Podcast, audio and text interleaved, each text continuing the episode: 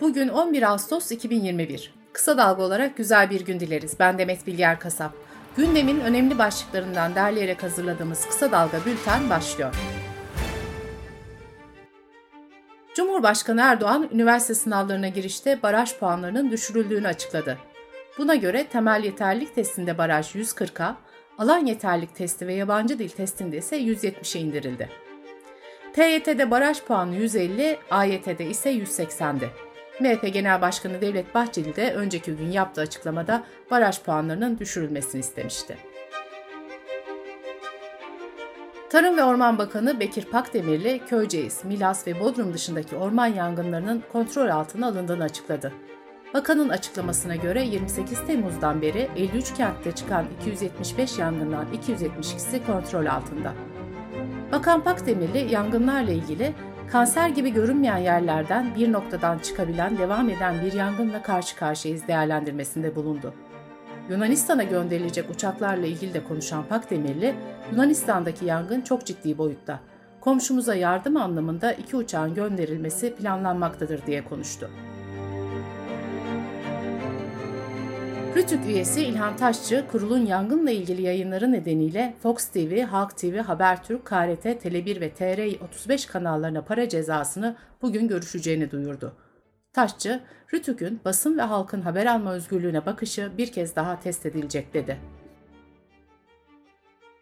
Türkiye'nin Ege ve Akdeniz kıyılarında etkili olan orman yangınları hava kirliliğine de yol açtı.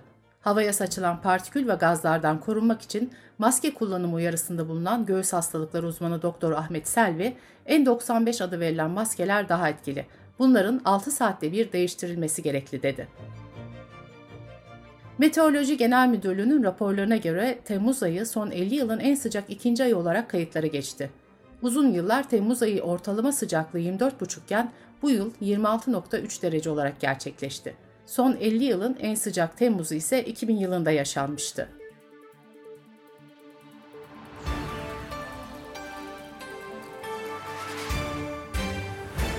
CHP milletvekili Candan Yücer, eski Milli Eğitim Bakanı Ziya Selçuk'un danışmanı Turgay Öntaş için Namık Kemal Üniversitesi'nde kişiye özel kadro açıldığı iddialarını meclis gündemine taşıdı. Yeni Milli Eğitim Bakanı Mahmut Özer'in yanıtlaması istemiyle soru önergesi veren Yücer, bu sorular yeni bakanın ilk sınavı dedi. Tarım ve Orman Bakanlığı, Cumhuriyet yazarı Barış Pehlivan'ın gündeme getirdiği siber saldırıyı doğruladı. Açıklamada erken saatlerde durum fark edilmiş, gerekli tedbirler alınmıştır ifadesine yer verildi.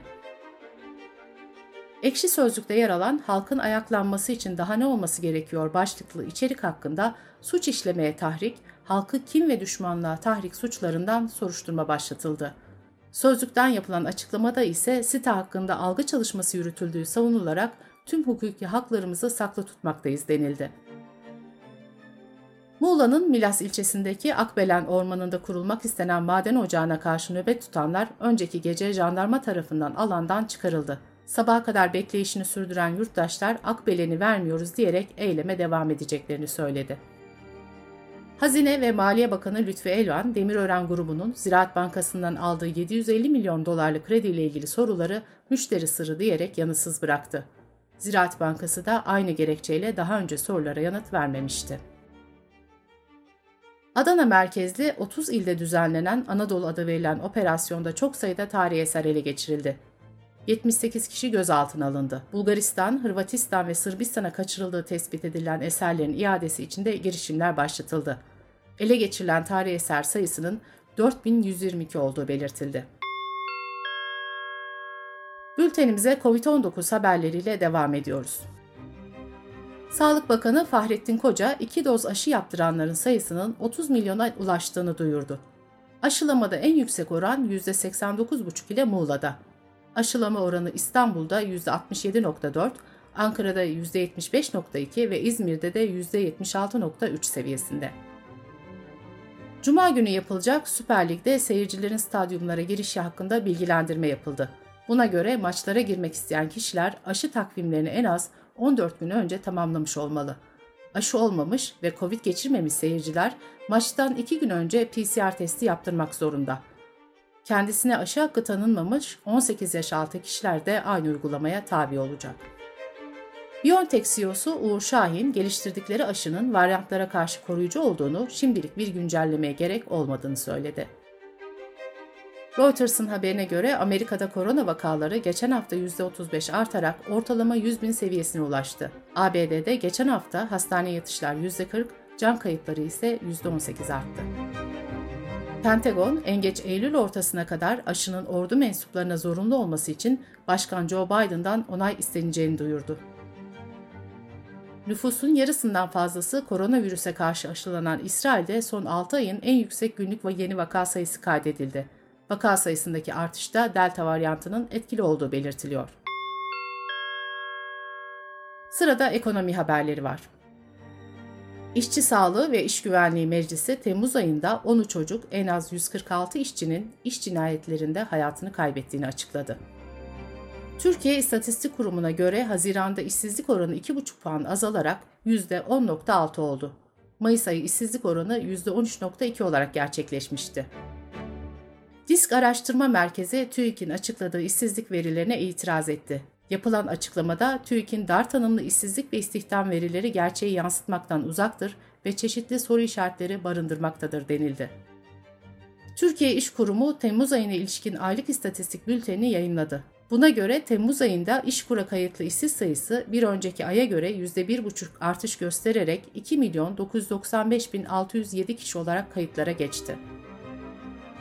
LPG fiyatına 17 kuruş zam geldi. Zamla birlikte LPG'nin litre fiyatı İstanbul'da 5.05, Ankara'da ise 5.19 TL olacak. TOKİ'nin yaptığı konutlara yurttaşların borcu 2016'da 12 milyar TL iken 5 senede bu borç 26.4 milyar lira oldu. Cumhurbaşkanı Erdoğan'ın Rize sahil dolgu alanında deniz doldurularak yapılmasını istediği Millet Bahçesi'ndeki külliye projesi Cengiz İnşaat'a verildi. Sahil dolgu alanı içinde bulunan yaklaşık 30 restoran, kafe ve büfenin denizdeki dolgu çalışmaları nedeniyle yıkılacağı belirtiliyor. Manavgat ve Side Turistik Otelciler Birliği Başkanı Cengiz Haydar Barut, orman yangınları ile ilgili yaptığı açıklamada 14 günlük sürede rezervasyonlarda yavaşlama oldu. Bu durum 3 milyon dolarlık kayıp yaşattı dedi. Dış politika ve dünyadan gelişmelerle devam ediyoruz. Askerlerini bu ayın sonuna kadar Afganistan'dan çekmeyi hedefleyen ABD'de Taliban endişesi büyüyor. Amerika'nın Afganistan özel temsilcisi Katar'da Taliban temsilcileriyle görüşecek. NATO'dan da Taliban'a şiddete son verme çağrısı geldi. ABD Savunma Bakanlığı ise Taliban'ın bir buçuk ayda 6 şehir merkezinde kontrolü ele geçirdiğini açıkladı.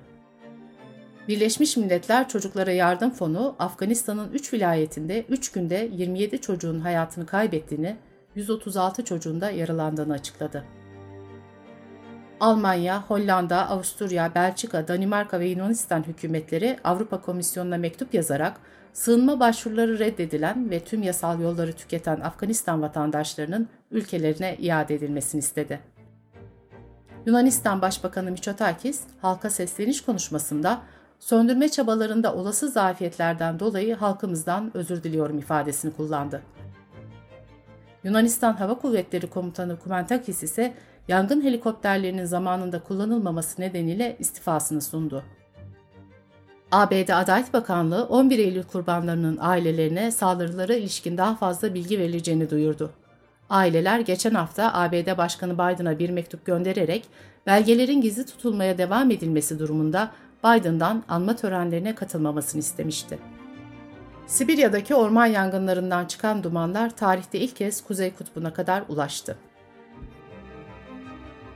Kaliforniya'da bir aydır süren ve ancak beşte bir kontrol altına alınabilen yangında kül olan orman alanının 200 bin hektara ulaştığı açıklandı. Bültenimizi kısa dalgadan bir öneriyle bitiriyoruz. Gazeteci Mehveş Evin, enerji analisti, gazeteci ve Ekosfer Derneği'nin kurucusu Özgür Gürbüz'le orman yangınları üzerinden Türkiye'deki enerji güvenliğini, termik santrallerin iklim krizine etkisini ve iklim dostu enerjilere geçiş konuştu. Kısa Dalga.net adresimizden ve podcast platformlarından dinleyebilirsiniz. Gözünüz kulağınız bizde olsun. Kısa Dalga Medya.